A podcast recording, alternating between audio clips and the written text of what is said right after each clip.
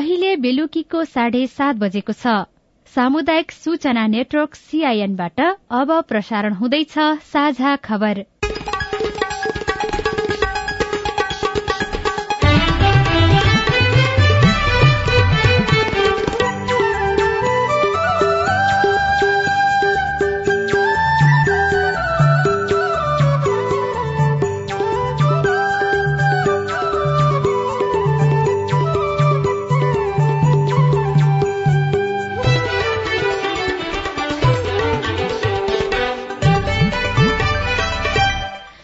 सीआईएनको साझा खबरबाट सोभिता रिसालको नमस्कार। साझा खबर देशभरिका सामुदायिक radio CIN khabar dot com र मोबाइल एप सीआईएनमा पनि सुन्न सकिन्छ।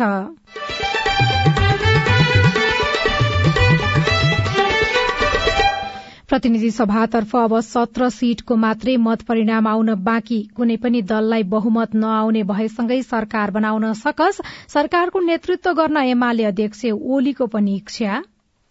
समानुपातिकतर्फ स्वतन्त्र पार्टीलाई उछिन्दै माओवादी केन्द्र तेस्रो स्थानमा संघीय सरकारमा रहेका छ मन्त्री पराजित। कैलालीमा नागरिक उन्मुक्ति पार्टीको उदय।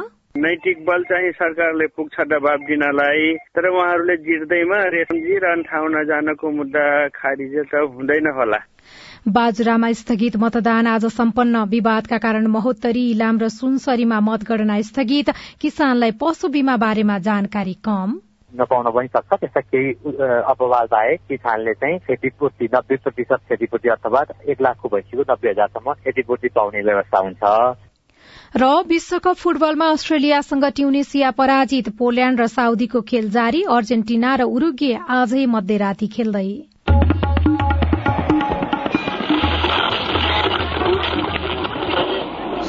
रेडियो। हजारौं रेडियो कर्मी। र करोड़ौं नेपालीको माझमा यो हो सामुदायिक सूचना नेटवर्क सीआईएन विश्वकप फुटबल प्रेमीहरू यति बेला विश्वकप फुटबलमा झुमिरहेका छन्। करिब एक महिना चल्ने यो खेल मेलामा बत्तीस देश प्रतिस्पर्धा गरिरहेका छन्। विश्वकप खेल्नु हरेक देशको सपना हो। नेपालले पनि यो सपना देख्दै आएको त छ तर सरकारले कम प्राथमिकता दिनु अनावश्यक राजनीति हावी हुनु लगायत कारणले नेपाली फुटबल दशकौंदेखि दक्षिण एसिया स्तरभन्दा माथि उठ्न सकेको छैन। फुटबलमा पर्याप्त लगानी बढ़ाई अनावश्यक राजनीतिक हस्तक्षेप बन्द गरिनुपर्छ। प्रतिनिधि सभातर्फ अब सत्रवटा निर्वाचन क्षेत्रको मात्रै मत परिणाम आउन बाँकी छ। हालसम्म एक सय अडचालिस क्षेत्रको मत परिणाम सार्वजनिक हुँदा नेपाली कांग्रेस पचास सीट जितेर शीर्ष स्थानमा छ। कांग्रेसका उम्मेद्वार पाँच स्थानमा अगाडि छन्। अडतीस स्थानमा जित्दा चार स्थानमा एमालेका उम्मेद्वार अघि रहेका छन्। यसै सोह्र स्थानमा जितेको माओवादी केन्द्रका उम्मेद्वार दुई स्थानमा अगाडि छन्। यस्तै नेकपा एकीकृत समाजवादीले दश राष्ट्रिय स्वतन्त्र पार्टी र राप्रपाले सात सात सीट जितेका छन्। लोकतान्त्रिक समाजवादी पार्टी नागरिक उन्मुक्ति पार्टी र जनता समाजवादी पार्टीले तीन तीन तथा जनमत पार्टी राष्ट्रिय जनमोर्चा र नेपाल मजदूर किसान पार्टीले एक एक सीट जित्दा स्वतन्त्र उम्मेद्वारले पाँच सीट जितेका छनृ। प्रतिनिधि सभातर्फ चुनावी प्रतिस्पर्धामा रहेका सरकारका छ जना बहालवाला मन्त्री पराजित भएका छन्। गृहमन्त्री बालकृष्ण खाँड ऊर्जा जलस्रोत तथा सिंचाई मन्त्री पम्फा भूषाल खानेपानी मन्त्री उमाकान्त चौधरी युवा तथा खेलकुद मन्त्री महेश्वर राज गहतराज संस्कृति पर्यटन तथा नागरिक उड्डयन मन्त्री जीवन राम श्रेष्ठ र राज्य मन्त्री उमेश श्रेष्ठ पराजित हुनुभएको हो। हालसम्म प्रधानमन्त्री सहित छ जना मन्त्री निर्वाचित भएका छन्। प्रधानमन्त्री शेरबहादुर देउबा श्रम रोजगार तथा सामाजिक सुरक्षा मन्त्री शेरबहादुर कुंवर उद्योग वाणिज्य तथा आपूर्ति मन्त्री दिलेन्द्र प्रसाद बडु अर्थमन्त्री जनार्दन शर्मा शिक्षा विज्ञान तथा प्रविधि मन्त्री देवेन्द्र पौडेल परराष्ट्र मन्त्री डाक्टर नारायण खड्का शहरी विकास मन्त्री मेटमणि चौधरी विजयी हुनुभएको छ। संचार मन्त्री ज्ञानेन्द्र बहादुर कार्की उम्मेद्वार रहेको सुनसरी क्षेत्र नम्बर चारको अन्तिम परिणाम आइसकेको छैन। प्रदेशसभातर्फ तीन सय पाँच स्थानको मत परिणाम सार्वजनिक भएको छ।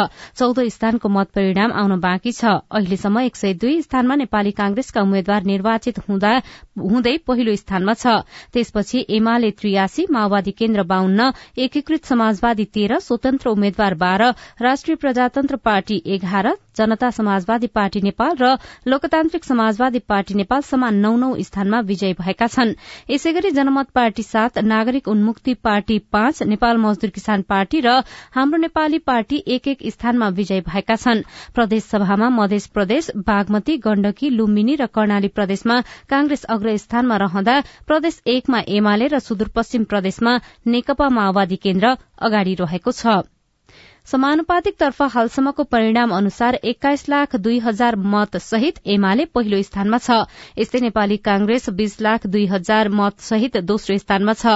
समानुपातिक तर्फ राष्ट्रिय स्वतन्त्र पार्टीलाई उछिन्तै माओवादी केन्द्र तेस्रो स्थानमा उक्लिएको छ। माओवादीले आठ लाख पञ्चानब्बे हजार मत पाउँदा राष्ट्रिय स्वतन्त्र पार्टीले आठ लाख एकसठी हजार मत पाएको छ। यस्तै राष्ट्रिय प्रजातन्त्र पार्टीले चार लाख उनासाठी हजार मत कटाएको छ।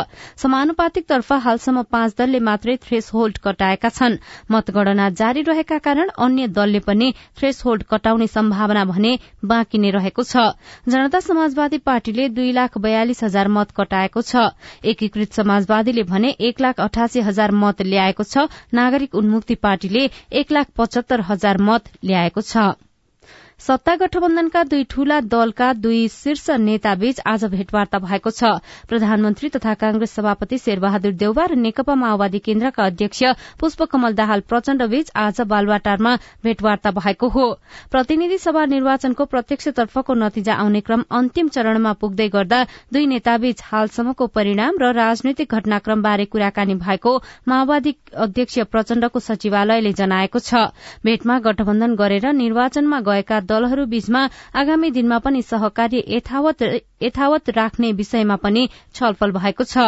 दुई सय पचहत्तर सदस्य रहने संसदमा सरकार बनाउन एक सय अडतीस सदस्य आवश्यक पर्छ। कुनै पनि दलको एक्लै एक सय अडतीस सीट आउने सम्भावना नदेखिएकाले दुई वा दुईभन्दा बढ़ी दलसँग तालमेल गर्नुपर्ने स्थिति आउने देखिएको छ। तालमेल गरेर सरकार बनाउँदा कसको नेतृत्वमा बनाउने भन्ने चासोको विषय पनि रहेको छ। यसैबीच झापामा भएको कार्यक्रममा एमाले अध्यक्ष केपी शर्मा ओलीले निर्वाचनबाट आएको मत परिणामले सहज रूपमा सरकार गठन हुने अवस्था नदेखिएको बताउनु भएको छ। सरकार गठन हुनै गाह्रो भयो भने सरकार टिकाउन झन गाह्रो हुने भन्दै आफ्नो पार्टीले पनि सरकारको नेतृत्व लिन सक्ने उहाँले संकेत गर्नुभएको छ। गत आइतबार स्थगित भएको बाजुराको बुढीनन्दा नगरपालिका वडा नम्बर पाँचको नन्देश्वरी मतदान केन्द्रमा आज मतदान भएको छ। नौ सय उनासय मतदाता रहेको यो वडामा पाँच सय सन्तानब्बे जनाले मतदान गरेका निर्वाचन आयोगका प्रवक्ता शालिग्राम शर्मा पौडेलले सीआईएनलाई जानकारी दिनुभयो। एकदम शान्तिपूर्ण रूपमा भयो। अब र समयमै निर्वाचन सम्पन्न भएको छ एकदम शान्तिपूर्ण रूपमा र व्यवस्थित रूपमा सम्पन्न भएको अब त्यो गणनालाई पनि शान्तिपूर्ण बनाउनका लागि चाहिँ सुरक्षा निकायहरूलाई त्यही किसिमको निर्देशन होला कि के छ? अब आयोगले अब त्यही किसिमले अब गणनाको लागि अब त्यहाँका केही इस्युजहरू छन्। ती कुराहरू अब छिट्टै एक दुई दिनमा सर्ट आउट गरेर अनि आयोगले जे निर्णय गर्छ त्यही किसिमको त्यहाँ प्रक्रिया अगाडि बढ्छ। यसैबीच अनेरा सोब्यूका केन्द्रीय सदस्य चेतन ऐडीको शव छ दिनसम्म पनि आफन्तले बुझेका छैनन्। दोषीलाई पक्राउ नगरेसम्म शव नउठाउने चेतनका बुबा गगनले अडान लिनु भएको छ। चेतनका आफन्तले हत्यामा संलग्न भएको भन्दै बाइसजना विरूद्ध जिल्ला प्रहरी कार्यालय बाजुरामा किटाने जाहेरी दर्ता समेत गरेका छन्। बाइसजना मध्ये दुईजनालाई प्रहरीले पक्राउ गरी अनुसन्धान शुरू गरेको छ। नेकपा एमाले बाजुराले पनि दोषीलाई पक्राउ गरी कार्यवाहीको माग गर्दै गत सोमबारदेखि नै आन्दोलन गरिरहेको छ। इलाम क्षेत्र नम्बर दुईमा मतगणना स्थगित भएको छ। अधिकृतको हस्ताक्षर नभएको चालिस मतपत्र भेटिएपछि मतगणना स्थगित भएको हो। यद्यपि इलामका मुख्य निर्वाचन अधिकृत दीपक कुमार दाहालले कांग्रेसका उम्मेद्वार खड्काका प्रतिनिधिले अनावश्यक बखेडा झिकेर मतगणना स्थलबाट बाहिरिएको बताउनु भएको छ। यस्तै महोत्तरी क्षेत्र नम्बर एकमा दलहरूबीच विवाद भएपछि मतगणना रोकिएको छ। जनमत पार्टीले आफ्नो पार्टीको समानुपातिक भोट अन्य पार्टीमा जोड़िदिएको आरोप लगाउँदै गणनामा अवरोध गरेको हो। गणकले गणना गर्दा र मुचुल्का उठाउँदा आफ्नो पार्टीको भोट तलमाथि बनाएको जनमत पार्टीको आरोप छ। क्षेत्र नम्बर एकको निर्वाचन कार्यालयले सर्वदलीय बैठक बसेर समस्या समाधान गर्ने तयारी भइरहेको जनाएको छ। अन्य पार्टीमा मत गएको दावी गर्दै आफ्नो मत संरक्षण गर्नुपर्ने माग गर्दै जनमतका कार्यकर्ताले नाराबाजी गरिरहेका छनृ। मतपरिणाम सार्वजनिक हुने क्रम लगभग अन्तिम अवस्थामा पुगेको छ। यो पटकको संसदमा केही नयाँ दल र स्वतन्त्र सांसदको रूपमा केही नयाँ अनुहारको प्रतिनिधित्व हुँदैछ। अघिल्लो संसदमा कैलाली निर्वाचन क्षेत्र नम्बर एकबाट निर्वाचित भएर पनि हाल जेल जीवन बिताइरहेका रेशम चौधरीको पार्टी नागरिक उन्मुक्ति पार्टीबाट यसपटक संघमा तीन र प्रदेशमा पाँचजना निर्वाचित भएका छन्। कैलालीको निर्वाचन क्षेत्र नम्बर तीनमा नागरिक उन्मुक्ति पार्टीका गंगाराम चौधरी विजयी हुनुभयो। भने यो क्षेत्रमा दुईवटै प्रदेश सभामा समेत सोही पार्टीका उम्मेद्वार विजयी भए। क्षेत्र नम्बर एकबाट समेत पार्टीकै अध्यक्ष रञ्जिता श्रेष्ठ चौधरीले जित निकाल्दा दुईवटै प्रदेश सभामा समेत सोही पार्टीका उम्मेद्वार विजयी भएका छन्। क्षेत्र नम्बर दुईको ख प्रदेशमा समेत नागरिक उन्मुक्ति पार्टीकै रामेश्वर चौधरी विजयी हुनुभयो। यस्तै क्षेत्र नम्बर दुईमा पनि अरूण कुमार चौधरीको जित भएको छ। उता बर्दिया क्षेत्र नम्बर दुईको ख र एकको खमा समेत नागरिक उन्मुक्तिका उम्मेद्वार विजय भएका छन्। बर्दिया क्षेत्र नम्बर दुईमा रेशम चौधरीको उम्मेद्वारी खारेज भएसँगै सोही स्थानबाट स्वतन्त्र उम्मेद्वारी दिएका चौधरीका बुवालाई समेत नागरिक उन्मुक्ति पार्टीले समर्थन गरेको थियो। सो क्षेत्रबाट समेत चौधरी निर्वाचित भएका छन्।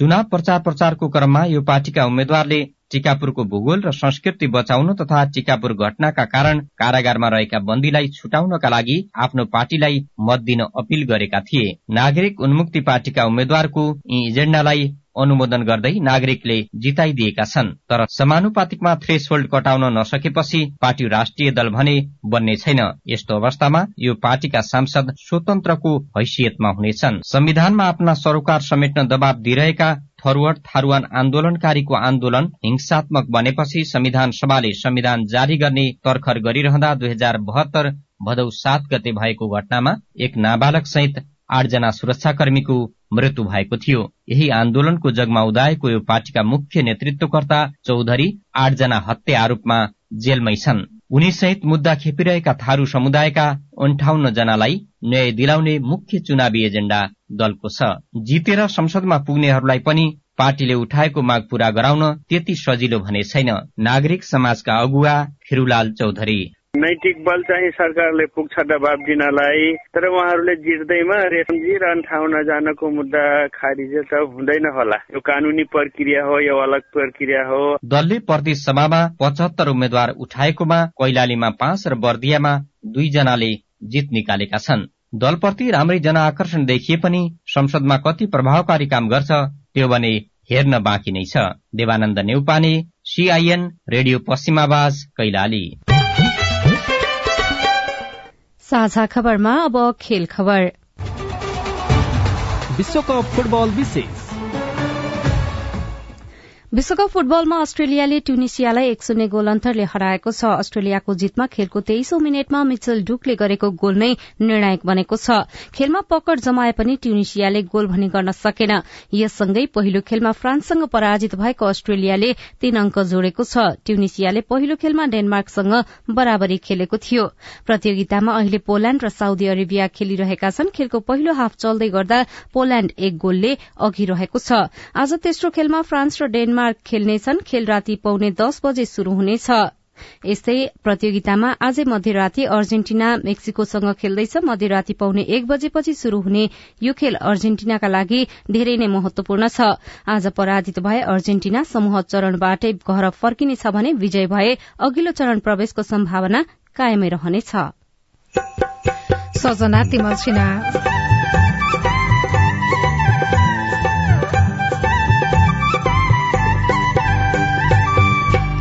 चिसो मौसम शुरू भए यता केरा बिक्री कम भएपछि घर खर्च चलाउन मुस्किल।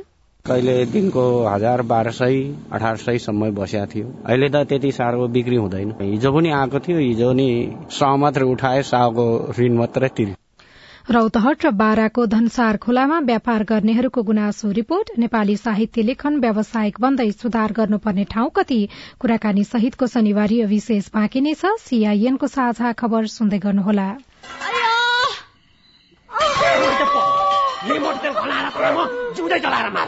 ए बुढा बुढा लौन नि त्यो माइलाले त मार्ने भयो त माइलीलाई।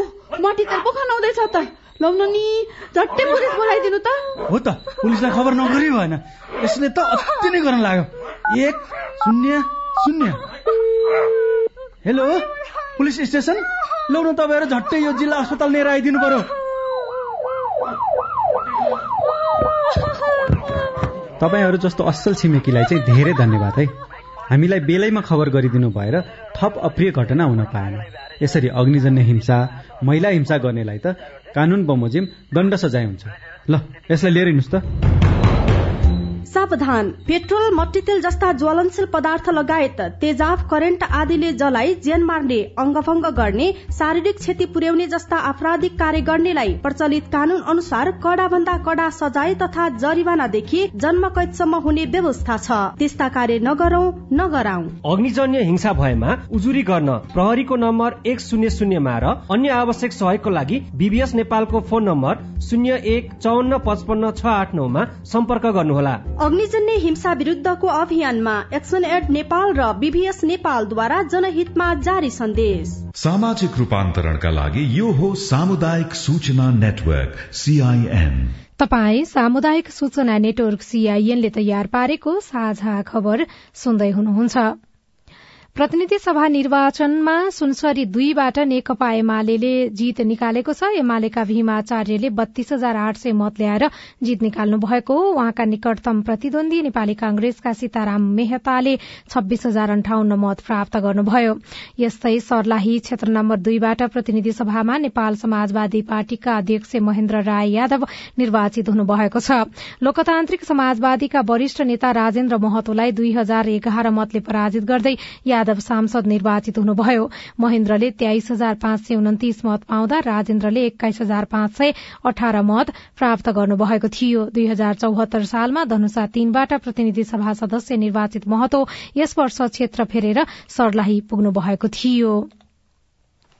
सरकारले सात सय त्रिपन्नवटै पालिकामा पशु बीमा कार्यक्रम लागू गरेको भए पनि पर्याप्त जानकारी नहुँदा किसान अन्यलमा छन्। कृषकको लगानी सुरक्षित गर्न भन्दै सरकारले लागू गरेको पशु बीमा कार्यक्रमबारे किसान नै अनभिज्ञ देखिएका हुन्। बीमा गरिएका पशु कालगतिले मरे बीमा कम्पनीले नब्बे प्रतिशतसम्म क्षतिपूर्ति बेहोर्ने पशु सेवा विभागले जनाएको छ। सीआईएनसँग कुरा गर्दै पशु सेवा विभागका सूचना अधिकारी वरिष्ठ पशु विकास अधिकृत डाक्टर चन्द्र ढकालले आफ्नो नजिकैको पशु सेवाको कुनै पनि निकायमा गएर पशु बीमा गराउन सकिने बताउनुभयो। कृषि बिमा भएको सन्दर्भमा कृषि सेवा केन्द्रमा पशुको बिमाको सन्दर्भमा पशु सेवा शाखा छ नगरपालिकाको त्यहाँ गएर सम्पर्क गर्न सकिन्छ। त्यहाँ सम्पर्क गर्ने बित्तिकै त्यो जिल्लामा उपलब्ध भएका जुन कम्पनीमा पनि गराउन पाइन्छ किसानले जानी जानी हेलचाक्राइ गरेर पशुलाई औषधि उपचार नगरिकन मारेर बिमाले दिन्छ भन्ने तरिकाले चाहिँ गर्यो भने त्यस्तो केसेसहरूमा प्राविधिकले सिफारिस गरे अनुसार यो चाहिँ किसानकै लापरवाहीले हो भन्यो भने नपाउन पनि सक्छ। त्यस्ता केही अपवाद बाहेक किसानले चाहिँ क्षतिपूर्ति नब्बे प्रतिशत क्षतिपूर्ति अथवा एक लाखको भइसक्यो नब्बे हजारसम्म क्षतिपूर्ति पाउने व्यवस्था हुन्छ। उहाँका अनुसार आफ्नो नगरपालिका वा गाउँपालिकाको पशु सेवा शाखामा गएर पशु बीमा गराउन सकिनेछ तराईका जिल्लामा एक वा एक भन्दा बढ़ी बीमा कम्पनीले पशु बीमा गरे पनि पहाड़ी जिल्लामा एउटा मात्रै कम्पनीलाई भए पनि बीमा गर्न दिइएको उहाँले बताउनुभयो। पूर्व पश्चिम लोकमार्ग अन्तर्गत रौतहट र बारा दुई जिल्ला जोड्ने धनसार खोलाको पुल छेउमा केरा व्यापारीहरू भेटिन्छन्। केराको पकेट क्षेत्र मानिने बाराको निजगढ़ नगरपालिका सिंगौलका स्थानीयहरू हरेक बिहान छ नबज्दै केरा व्यापारका लागि आइपुग्छन्। चाडपर्वको बेला दैनिक पाँचदेखि सात हजार रूपियाँसम्मको केरा व्यापार हुने धनसार पुल छेउमा चिसो मौसम शुरू भए यता व्यापार घटेको छ। पूर्व पश्चिम लोकमार्ग हुँदै यात्रा गर्ने यात्रुहरूको लागि धनसार पुल सस्तो र ताजा केरा पाउने ठाउँ हो। स्थानीय व्यापारीले बाराको निजगढ़ नगरपालिका एक दुई र तीनका किसानसँग केरा किन्छन् र दिनभरि सड़क किनारमा बसेर यात्रुहरूलाई बेच्छन्। व्यापारी सोम बहादुर जिम्बा। कहिले दिनको हजार बाह्र सय अठार सयसम्म बसेको थियो। अहिले त त्यति साह्रो बिक्री हुँदैन। हिजो पनि आएको थियो हिजो नि सह मात्रै उठाए साहको ऋण मात्रै तिर्यो। केरा उब्रियो भने अब धेरै गल्यो एनतेन भयो भने त कुहिरै जान्छ अनि बिक्री नै हुँदैन। कोही सानो भन्छ हामीले दुई अढाई रुपियाँ कहिले कहिले तिन रुपियाँ दसैँमा त तिन रुपियाँ कोसामा ल्याउँछ दुई खाप खाप पच्चिस तिस कोसा।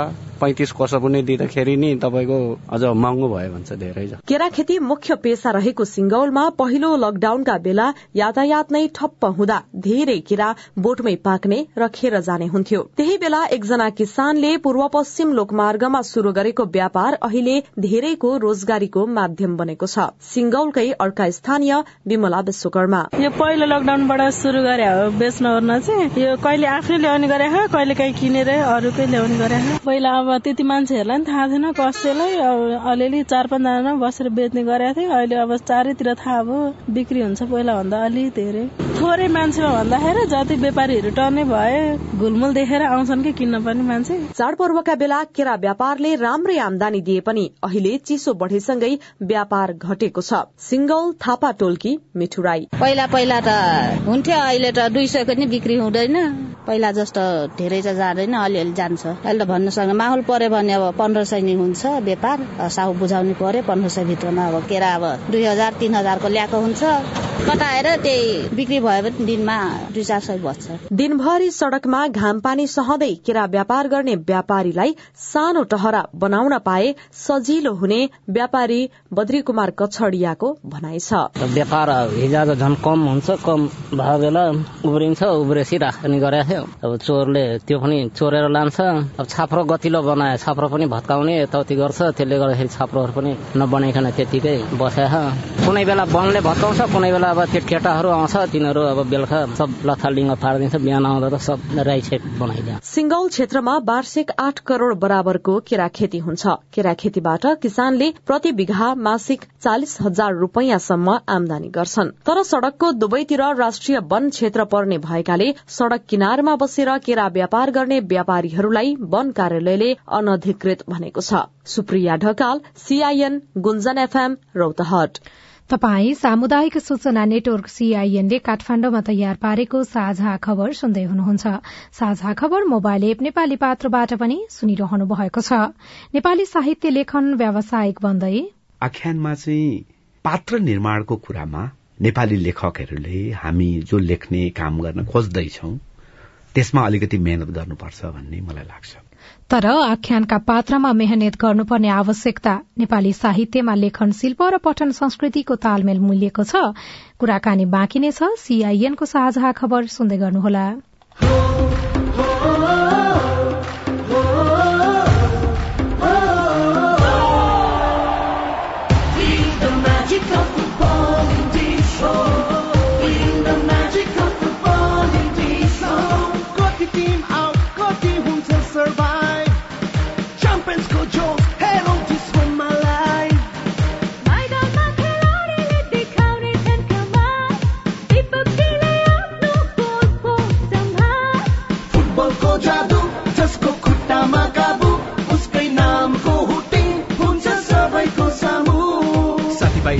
फुटबल हेर्दै चिल गरौँ विश्वमा घरमै स्टेडियमको फिल गरौँ। बल लाग्दा पोलमा सुट हुन्छ गोलमा हल्ला हुन्छ गोलमा विश्वकप फुटबलको म्याजिक हेर्नुहोस्। विश्वमा लाइभ सामाजिक रूपान्तरणका लागि यो हो सामुदायिक सूचना नेटवर्क सीआईएन तपाई सामुदायिक सूचना नेटवर्क सीआईएनले काठमाण्डुमा तयार पारेको साझा खबर सुन्दै हुनुहुन्छ। पछिल्लो समय नेपाली साहित्य व्यावसायिक बन्दै गएको देखिन्छ तर साहित्य लेखन जति व्यावसायिक बन्यो विषयवस्तु उति नै कमजोर हुन थालेको कतिपय आलोचकहरू बताउँछन्। नेपाली साहित्यमा लेखन शिल्प र पठन संस्कृतिको तालमेल मिलेको छ। लेखकले कस्ता विषयमा लेख्ने? साथी राजन रुचालले मोक्षभूमि र माधवीको लेखक केशव दहालसँग कुराकानी गर्नुभएको छ। पढ्ने कुरा महत्वपूर्ण छ निश्चय नै। तर पढ्ने भनेको किताब पढ्ने भनेको मात्रै होइन। लेख्ने मान्छेले पढ्ने भन्ने कुरा गर्यो भने चाहिँ त्यो किताब पढ्ने त स्वाभाविक हो तर सँगसँगै समाज पढ्ने मान्छेहरू पढ्ने समयलाई पढ्ने मान्छेको मन पढ्ने यो सबै चिजलाई पढ्ने। त्यसपछि पढिसकेपछि त्यसलाई अनुभूत गर्ने त्योसँग प्रवेश गर्ने र प्रवेश गरिसकेपछि अनि त्यसपछि त्यसलाई जे अनुभूत हुन्छ त्यसलाई अनि आकार दिने त्यसपछि लेख्न थाल्ने। लेखकहरू नपढिकन पूर्ण लेखक हुन सक्दैनन्? तपाईँ अब लेख्ने अक्षरहरू थुपार्ने शब्दहरू थुपार्ने त्यो सम्भव छ तर तपाईँ कस्तो लेख्नुहुन्छ होइन? लेख्नको लागि तपाईँले मनको ज्योति बाल्नु पर्यो मनको ढोका खोल्नु पर्यो र तपाईँले कल्पनाको अनन्त आकाशतिर तपाईँ उठ्नु पर्यो। त्यो सबै चिज गर्नको लागि तपाईँलाई एउटा जुन दृष्टि चाहिन्छ नि होइन? जुन अनुभूति चाहिन्छ जुन कल्पनाशीलता चाहिन्छ जुन काव्यिक तपाईँको लय चाहिन्छ त्यो चिज तपाईँले कहाँ पाउनुहुन्छ? त्यो सबै चिज गर्नको लागि पढ्नु पर्यो। तपाईँले हेर्दाखेरि चाहिँ नेपाली लेखन अहिले कहाँनिर देख्नुहुन्छ कस्तो अवस्थामा देख्नुहुन्छ? अहिलेको लेखन चाहिँ दुई हिसाबले छ। एउटा तपाईँको मान्छेलाई बजारको दबाव छ। यद्यपि म के भन्छु भने एउटा लेखकले कन्टेन्टमा काम गर्नुपर्छ। मजाले बजारमा के हुन्छ थाहा छैन। बजारलाई दिशा दिने कि बजारको दिशामा तपाईँ खुद आफै हराउने? यो दुइटै विषय छ क्या। एउटा लेखकले बजारले कस्तो माग्छ त्यो हिसाबले लेख्ने एउटा तरिका भयो। एउटा चाहिँ बजार निर्माण गर्ने र बजारलाई त्यो लेखनीतिर दिशा दिने। दोस्रो तरिका भयो व्यावसायिक गहिराई बढ्दै जाँदाखेरि नेपाली लेखनमा चाहिँ त्यो किताबभित्र अक्षरहरूको आयतन चाहिँ घट्दै गएको छ कि के छ? अब नेपाली लेखनमा मलाई लाग्छ एउटा चाहिँ कस्तो छ भने हामी खास गरी यो आख्यानमा चाहिँ पात्र निर्माणको कुरामा नेपाली लेखकहरूले हामी जो लेख्ने काम गर्न खोज्दैछौ त्यसमा अलिकति मेहनत गर्नुपर्छ भन्ने मलाई लाग्छ। हामी एकदमै भाषा मिलाएर भन्न चाहिँ जान्दैछौ। लेखनमा केही प्रयोगहरू पनि शुरू भएका छन् तर पात्र निर्माण गर्ने। किनभने तपाईँले यसो हाम्रो पूर्वीय साहित्यलाई तपाईँले हेर्नुभयो फर्केर भने अहिले पनि हाम्रो समाजमा साहित्यले दिएका पात्रहरू को स्थापित छन् भनेर हेर्नुभयो भने पौराणिक पात्रहरू स्थापित छन् होइन? तपाईँ एउटा असल दाजुभाइको उदाहरण दिनु पर्यो भने राम र लक्ष्मण भन्नुहुन्छ। हाम्रा चरित्र नायकहरू अहिले पनि हाम्रा चरित्र नायकहरू। भनेपछि के हो भने आजको युगमा आजका चरित्र नायकहरू बनाउन आवश्यक छ साहित्यले। मूलत लेखकले नलेखिदिएका कारण अध्ययनको त्यो स्तरसम्म हामी नपुगेका कारण र अनुभूतिको त्यो स्तरसम्म नपुगेका कारण सम्भवतः लेखिएन होला। त्यसकारण पनि यो बहस आज हामी गर्दैछौ। अर्को चाहिँ पाठकको रुचिको विषय पनि त होला। पाठकले लेखकलाई कति उद्वेलित गर्न सक्यो त्यो लेख्नको लागि अथवा त्यतातिर जानको लागि भन्ने कुरा पनि त होला नि। तपाईँ चाहिँ के भन्नुहुन्छ? स्वभावत पाठकहरूबाट लेखक प्रभावित हुँदैन भन्ने चाहिँ मलाई लाग्दैन। प्रभावित भइहाल्छ होइन? यही समाजभित्रको यिनै मान्छेहरूभित्रको अन्तर सम्वाद अन्तर घुलनबाट लेखक पनि निस्किने कुरा हो। त्यसले त्यो पाठकहरूको मनोविज्ञानभन्दा पृथक छैन लेखन।